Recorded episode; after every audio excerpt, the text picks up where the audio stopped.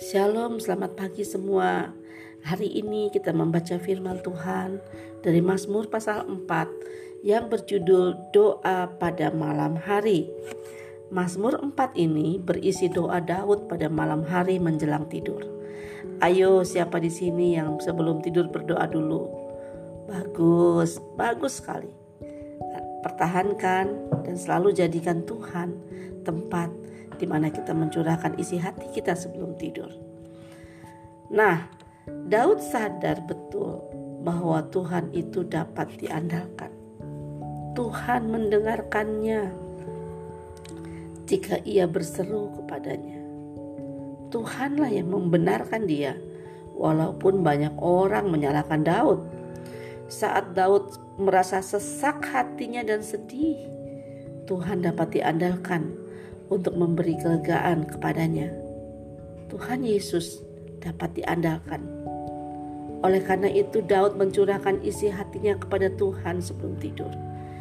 Ia menaikkan syukur atas berkat Tuhan yang telah dicurahkan kepadanya. Yang lebih mengharukan adalah penyerahan diri Daud begitu total kepada Tuhannya. Di akhir doanya Daud membuat pernyataan bahwa Tuhan yang membiarkan ia diam dengan aman maka ia merasa tentram sewaktu membaringkan diri untuk tidur. Ayat 9 katakan dengan tentram, aku mau membaringkan diri lalu segera tidur. Sebab hanya engkaulah ya Tuhan yang membiarkan aku diam dengan aman. Itulah seharusnya yang kita rasakan. Apa pun juga yang menimpa kita. Karena Tuhan dapat diandalkan, maka kita dapat tidur dengan tentram di malam hari. Tuhan memberi kelegaan. Tuhan yang menjawab doa. Apabila aku berseru, jawablah aku ya Allah yang membenarkan aku.